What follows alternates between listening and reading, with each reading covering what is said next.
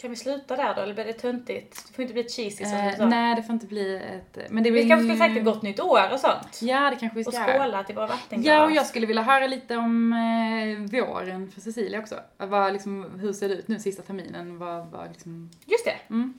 Men då... eh, Nu får du lite jobb, Emma. Eh, ja, men det kan, eh, det kan väl vara nyttigt för mig.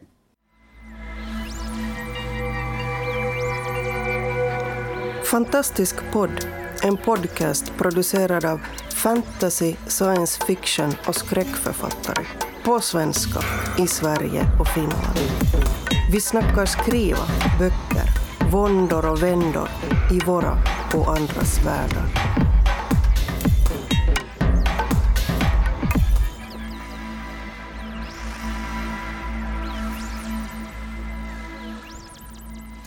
Hej och välkomna till Fantastisk podd.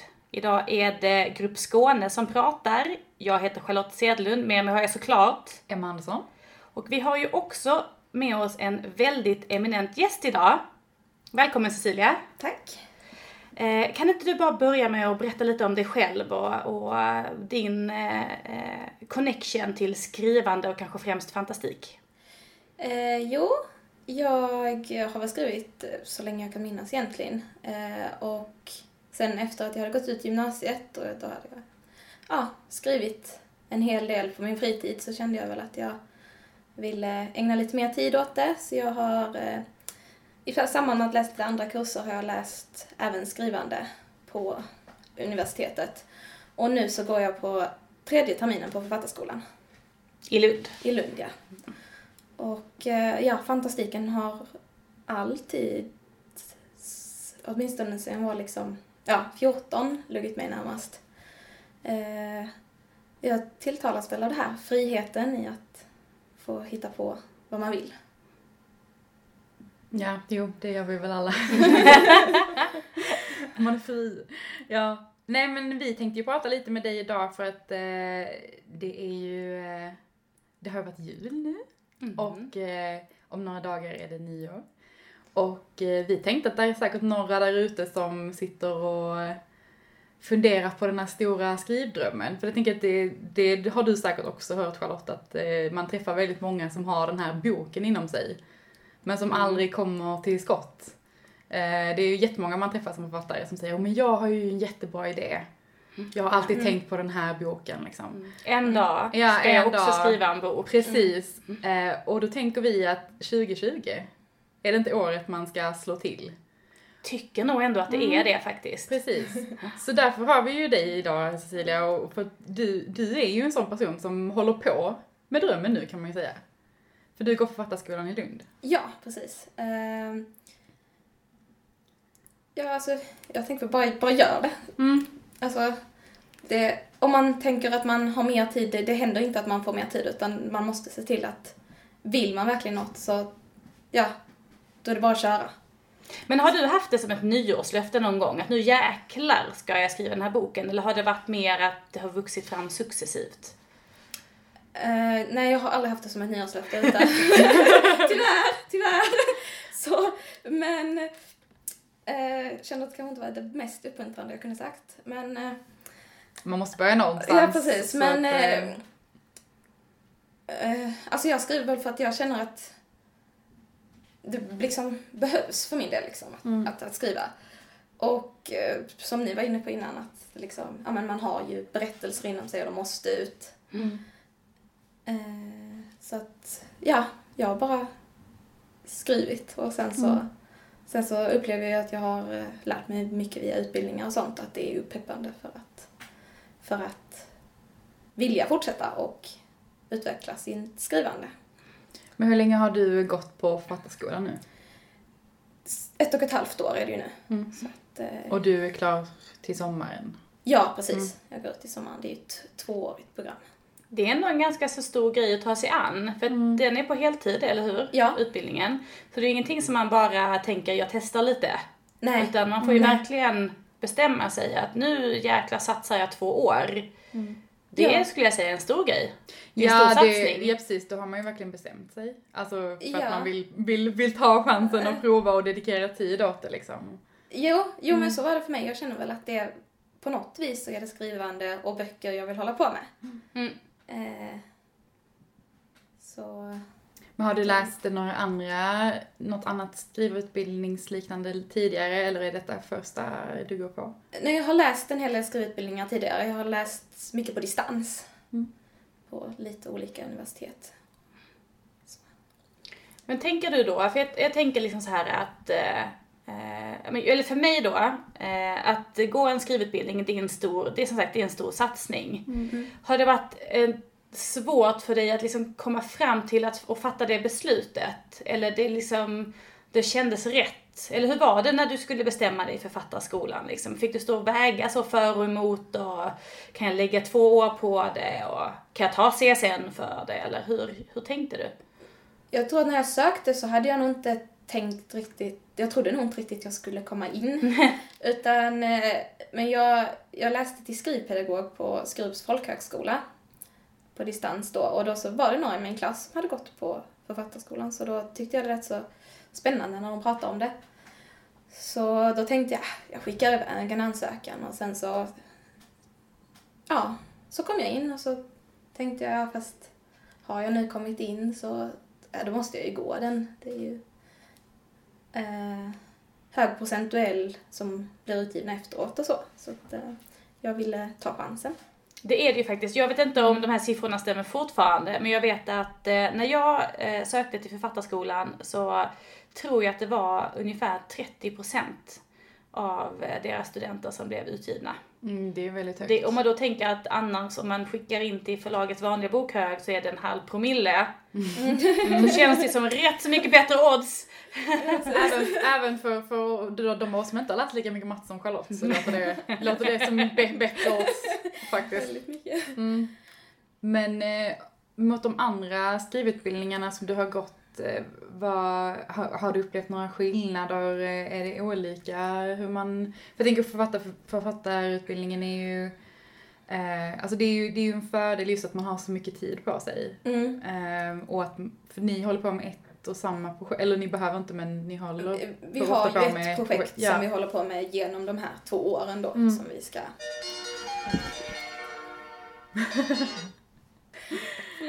Det är ingen fara, vad, vad, vad var det vi pratade om? Eh, vad frågade jag? Eh, det var om det skiljer sig va? Eh, ja men det som skiljer sig tänker jag ju är mycket att eh, på författarskolan dels så träffar man ju sina kursare.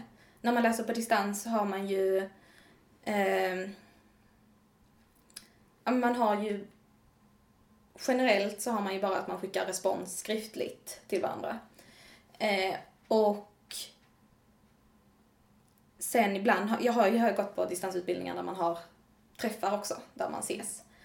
Men eh, när man går på författarskolan så lär man ju känna dem man går med och man kan ju prata om sitt skrivande på ett annat sätt.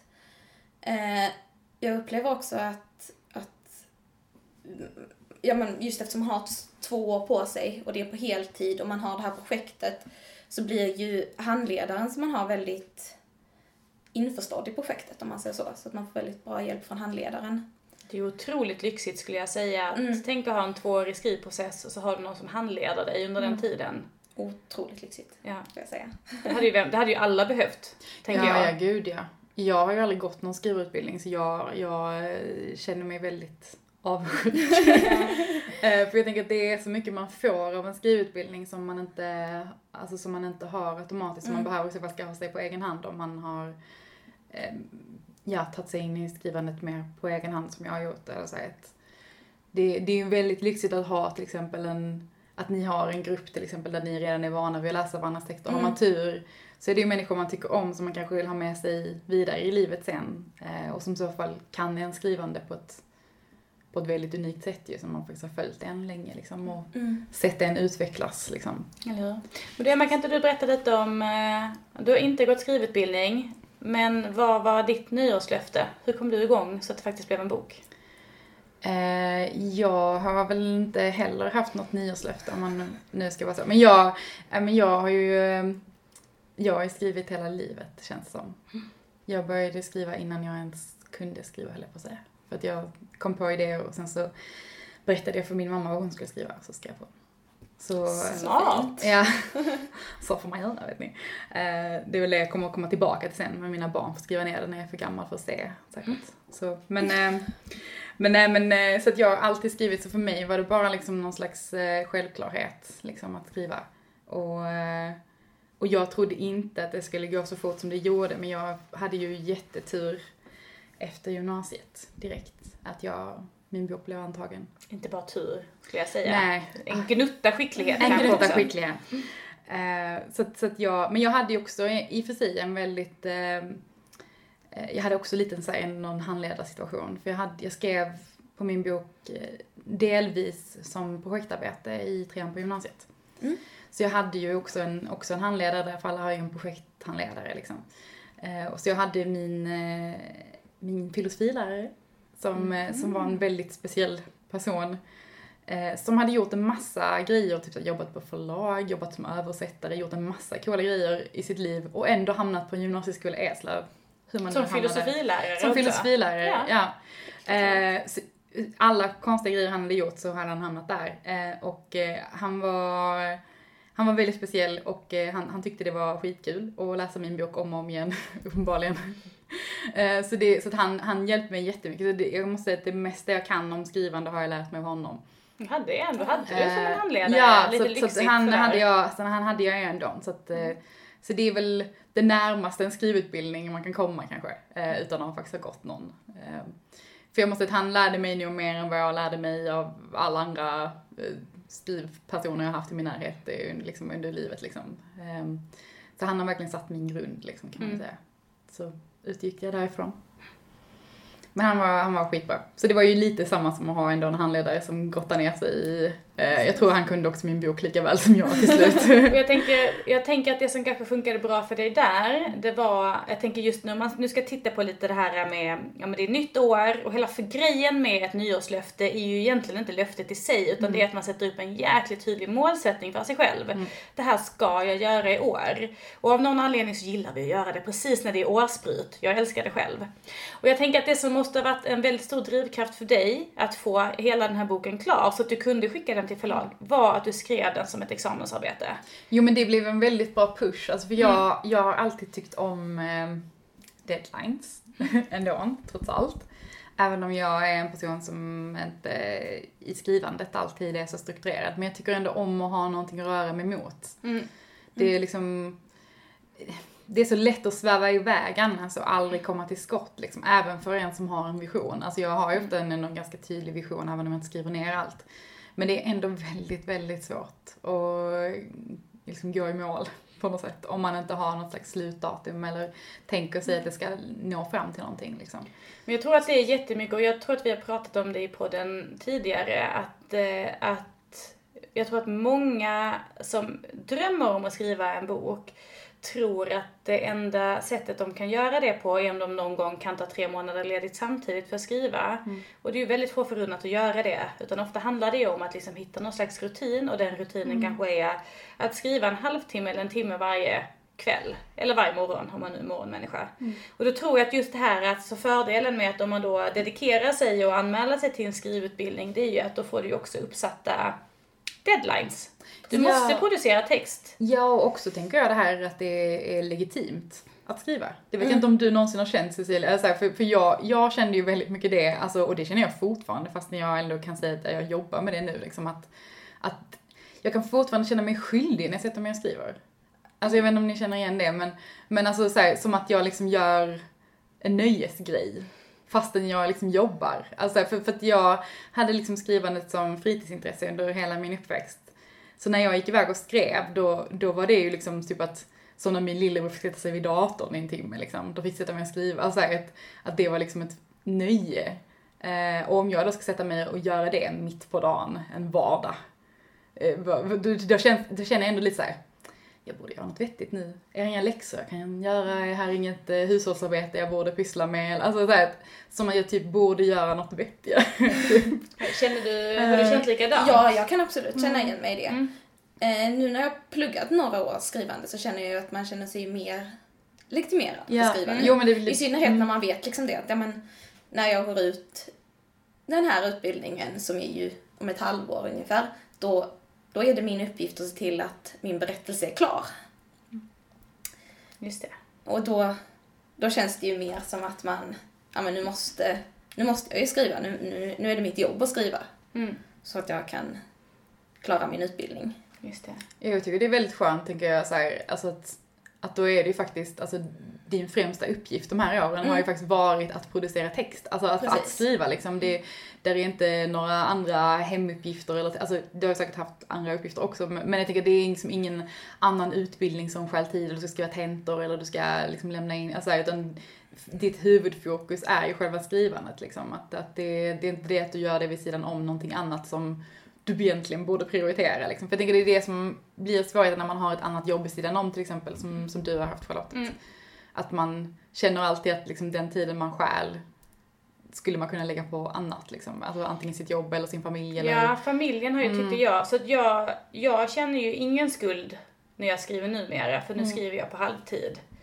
Vilket gör att jag kan skriva på dagtid. Och jag tror att det har alltid varit jobbigare för mig eftersom jag blev författare och mamma precis samtidigt. Det var ju liksom en veckas mellanrum. Eh, Så skrev jag ju ett stort antal av mina böcker antingen med bebisen i bärsjal på magen eller liksom har smitit upp eh, på kvällar eller på helger om jag har haft deadline och sånt. Och det är tuffare. Eh, Jobbet måste man ju liksom utföra. Det, är liksom tyd, det finns tydligare gränser, alltså vanliga brödjobbet, man kan inte strunta i det. Eh, Men av någon anledning så har man ju lättare i att åsidosätta sin familj. Eller för där finns ingen, där är det bara det dåliga samvetet. Eh, så att jag tycker det är så skönt nu att jag får sköta mitt skrivande på dagtid och jag försöker faktiskt verkligen att jag jag skriver inte på kvällarna. Även om jag får skrivsug på kvällen så skriver jag inte på kvällarna längre. Det har varit väldigt viktigt för mig att, att göra den uppdelningen faktiskt.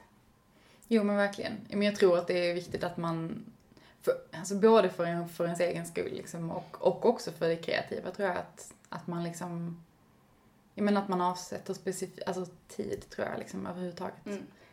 Men Cecilia, vad skulle du säga, du som har, antar jag då, skrivit både när du inte gick utbildning och när du gick utbildning. Vad har varit den allra största behållningen av alla utbildningar? Det är just att du får så mycket stöd från andra och du får möjligheten att läsa andras texter. Det tycker jag också man ska lägga stor vikt vid att läsa är otroligt viktigt för att utveckla skrivandet. Och framförallt att läsa andras texter liksom och få ge möjlighet att liksom, ja men ge respons. Eh, för du, genom att, genom att se andras texter så lär du också dig se din egen text. Just det, man reflekterar över sitt eget skrivande. Ja. Mm. Och det är lättare upplever jag nu än när jag började gå skrivutbildningar att liksom gå utanför mitt eget, det jag själv har gjort och kunna se det med liksom läsarens ögon om man kan säga så. Men eh, bara en så här, eh, för jag tänker du, om du har gått eh, distans innan och ni har ändå ni har gett respons hela vägen och så här, är det lättare eller svårare att ge, ge respons till någon man har sett i ögonen, eller jag får säga. Alltså, är det, alltså, för jag tänker det är både positivt tänker jag i och med att man lär känna varandra och kanske så här, men jag tänker är det samtidigt svårare när det är någon man känner eller det, ni, ni blir så duktiga att ni tänker inte på det? Eh, jag kan ju tänka att när man ger respons är det viktigt att överlag inte såga någon. För det finns liksom alltid, det finns alltid någonting bra att säga om en text. Det är, Ja, inte- den är inte bara dålig. Men jag har ju upplevt att det är lättare för folk att göra rejäla sågningar om man inte behöver se någon i ansiktet sen. Ja, nej för jag, kan- jag kan tänka mig, alltså, för som sagt, jag, jag har ju ingen egen responsgrupp sådär, men jag, jag har alltid tyckt det har varit väldigt svårt. Jag har, jag har inget problem med att ta kritik, men jag tycker det är väldigt svårt att ge kritik. Mm. För jag tycker det är jätte, jag är så himla rädd, för även om man, jag, jag brukar inte, jag brukar inte såga folk. Men, men, men menar även om, alltså för jag tänker att jag, jag tror ändå att det är många som har svårt på att skilja sig på sig själva och texten. Alltså Mm. det blir man ju bättre på efterhand liksom. Det är definitivt men, en eh, övning. Ja, för jag tänker, för det är nog, för det är nog väldigt svårt tänker jag framförallt i början. För jag tänker, det har, det, och det känner jag själv också, att jag har blivit mycket bättre på det. För att, ja men liksom att man känner sig så nära förknippad med sin text ofta att, att liksom när någon säger någonting om texten så, så tar man det personligt. Även om Men alltså Även jag gör det kan jag säga att jag gör det fortfarande. Mm. eh, jag blir alltid bitter. jag blir alltid bitter precis när jag har fått respons från någon och så Mm. tänker jag oavsett hur mycket superlativ den har stått och så har det varit liksom några rader negativt. Så blir jag skitbitter och tänker de har inte förstått vad det är jag försöker säga. Mm. Och sen är jag bitter kanske i, ja men säg att jag får in det här på förmiddagen. Jag får ju mest på mailen liksom. Mm. Och så går jag och muttrar och muttrar och så nej. Och så kanske på kvällen eller om det till och med är dagen efter så har jag ju byggt upp något väldigt stort i mitt huvud.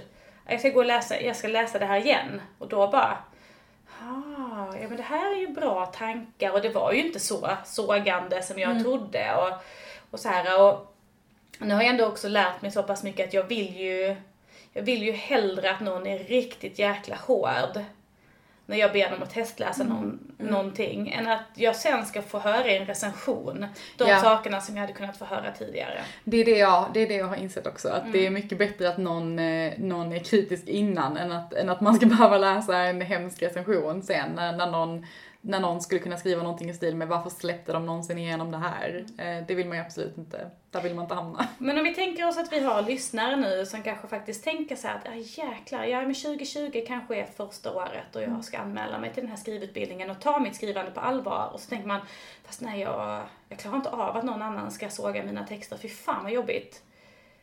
Vad skulle du säga till dem då? man utvecklas ju genom kritiken också. Eh, och sen tror jag man ska tänka på det som vi varit inne nu, att man, man måste på något vis åsidosätta texten lite från sig själv. Det är inte, man är inte sin text, även om det ibland kan kännas så. Eh, och tänka att de flesta försöker ändå hjälpa en. Och också att alla läser ju texter olika, så bara för att någon kanske inte gillar någonting så behöver det inte innebära att det är en dålig text. Mm, det ska man ju verkligen ha med sig och det är ju samma egentligen alltså när man skickar in till förlag. Att en refusering behöver ju faktiskt inte betyda att det här var världens sämsta bok, utan det kan ju lika gärna betyda att förlaget har någonting liknande som de inte vill konkurrera, alltså att de inte vill konkurrera med varandra Ja. eller, eller, att, eh, eller att de bara känner att det här var inte för oss, men det betyder inte att det är en dålig bok. Nej, nej men alltså det, Eh, jag brukar tänka så här också att det finns folk som hatar Harry Potter. ja, det säger faktiskt allt! Och det säger allt om att det är väldigt mycket tycke och smak involverat. Och ibland så kan folk helt enkelt ha fel också. Ja. Jo men verkligen. Och jag försöker trösta mig typ så här med att både typ så här Astrid Lindgren och J.K. Rowling blev typ refuserade i början. Typ så här. Det, Ja. Hur, kommer du ihåg hur det kändes första gången du fick feedback? Oj. ehm, Som inte var mamma liksom. För det har vi alla gjort. mm. ja det, hon är i alla fall, hon är ju, hon sågar inte. Inte alls.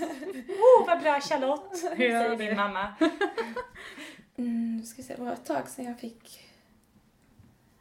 Eh, men jag, jag vill inte minnas att det var så... Alltså jag vill minnas att det kändes rätt bra ändå. Mm. För det betyder ju Eh. samtidigt att någon har tagit ens text på allvar Ja. och lagt ner tid nog faktiskt att, att Ja. reflektera kring den.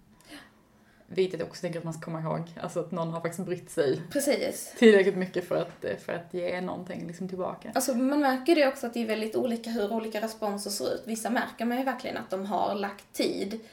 Och då tycker jag ofta att det negativa, eller det de föreslår att man ska förbättra, att det, det gör liksom mindre ont på något vis.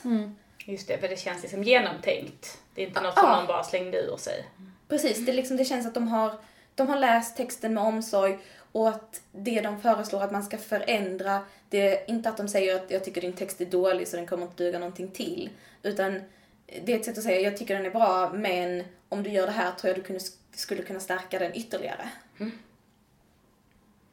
Ja, det är jättespännande. Som sagt, jag är så avundsjuk. Jag minns ju faktiskt min första respons. Eh, och det var ju... Och det gör det ändå. Ja, ja, men det var för att jag hade ju ett stort, jag gick ju ingen skrivutbildning så tidigt i min process. Jag läste ju på författarskolan senare och bara en termin. Men jag inledde ju hela min, min författarprocess, eller vad man ska säga, själv. Men då lärde jag mig att det fanns någonting som heter skrivcoacher. Så när jag hade skrivit fem kapitel på ett manus så skickade jag, då tog jag liksom och nu ska jag investera i mig själv. Det var mitt, det var inte ett nyårslöfte det heller, men det var väl ett löfte att nu ska jag också ta det här på allvar. Så att jag kontaktade en skrivcoach och bad att få skicka in mina fem kapitel och det betalar man ju för. Så det var ju verkligen liksom en investering. Och så fick jag responsen några veckor senare och då kom jag så väl ihåg att det stod typ så här att eh, eh du skriver fantastiskt bra, du har talang, men jag tycker att du slösa bort den här talangen på att skriva en bok om jultomten. För det var precis det jag gjorde då, jag skrev en bok om jultomten. Och eh, jag blev, hör och häpna, bitter! och tänkte, hon har ju inte alls fattat den här jultomtehistorien. Och så gick jag och surade, då surade jag nog längre. En vecka eller någonting. Och sen så började jag kanske prata lite med folk där hemma. Lite med andra folk. Jag kände ju inte så många författare då så jag fick ju prata med dem jag kunde. Och det visade sig att det var kanske inte bara den här stackars skrivcoachen som tyckte att jultomten kändes som en lite töntig, lite töntigt ämne. Så att jag, eh, ja. Och det här var ju inte, det är väl det man ska säga också när det kommer till respons, att det är ju aldrig någon som tvingar dig att ändra någonting. Du kan skita i att ändra varenda grej som sägs, för det är bara tycke och smak. Men det det ofta gör när man får respons, det är att det sätter igång nya tankar i ens huvud. Mm. Och det var det det gjorde för mig här. Som sagt, jag blev skitarg för jag hade en hel idé, jag hade en hel synopsis på en hel bok. Men jag insåg att hon hade helt rätt. Det var ju inte vad jag skulle skriva om jultomten. Och då plockade jag istället ut en bihistoria i den boken som handlade om en samisk tjej som heter Aili. Och det var det som blev min trilogi. Ja, så så det, kan det gå.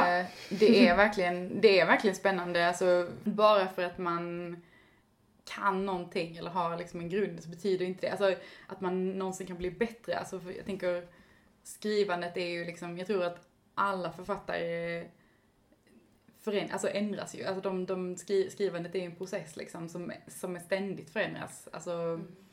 jag tror det, jag tycker stackars den författare som som efter en hel karriär läser sin debutroman och känner att de har skrivit exakt likadant under hela sin karriär. Eller ännu värre, det var ja. den bästa boken jag skrev. ja men precis, faktiskt. Ja, för, att, eh, för att jag tänker att det är någonting som, som eh, utvecklas och ska utvecklas mm. under hela ens liv liksom. För att allting man tar in är ju, är ju en utbildning i sig liksom. Mm. Mm. Eller hur? Så, äh, vet du det, våren Cecilia, hur ser mm. det ut nu framöver? Det är din sista termin. Vad ska du, eh, vad händer då helt enkelt? Ja, först och främst så ska vi ju skriva klara vårt projekt. Eh, och det känns, för min del känns det inte som det kommer vara några större problem.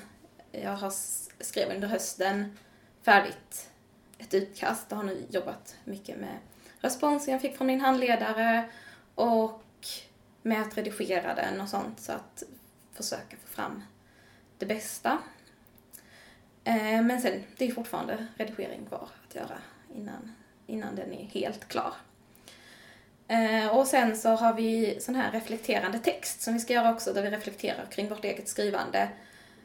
Och mm. där vi har, ja man får välja någon fråga helt enkelt som man säga, djupdyker i. Är det typ som någon sorts uppsats liksom, liknande eller? Ja, precis. Mm. I och med att liksom, det, är en, det, är ändå en, alltså det är ju ändå en riktig utbildning fast man bara grottar ner sig i sitt eget skrivande. Precis, liksom. det är ju det är en kandidat man tar. Mm. Ja, ja, Så precis. Att, ja. Det är ju den här lite grann kandidatuppsats kanske mm. man kan säga. Ja, ja, precis. Som är vårt projekt vid sidan av. Det är väldigt spännande att få skriva om sig själv, eller sitt ja, eget skrivande. Liksom, precis. I en, vi har inte kommit så långt i det än, mm. men eh, det ska bli spännande mm. att reflektera kring sitt eget skrivande. Och, och sen då, när manuset är klart, vad händer då?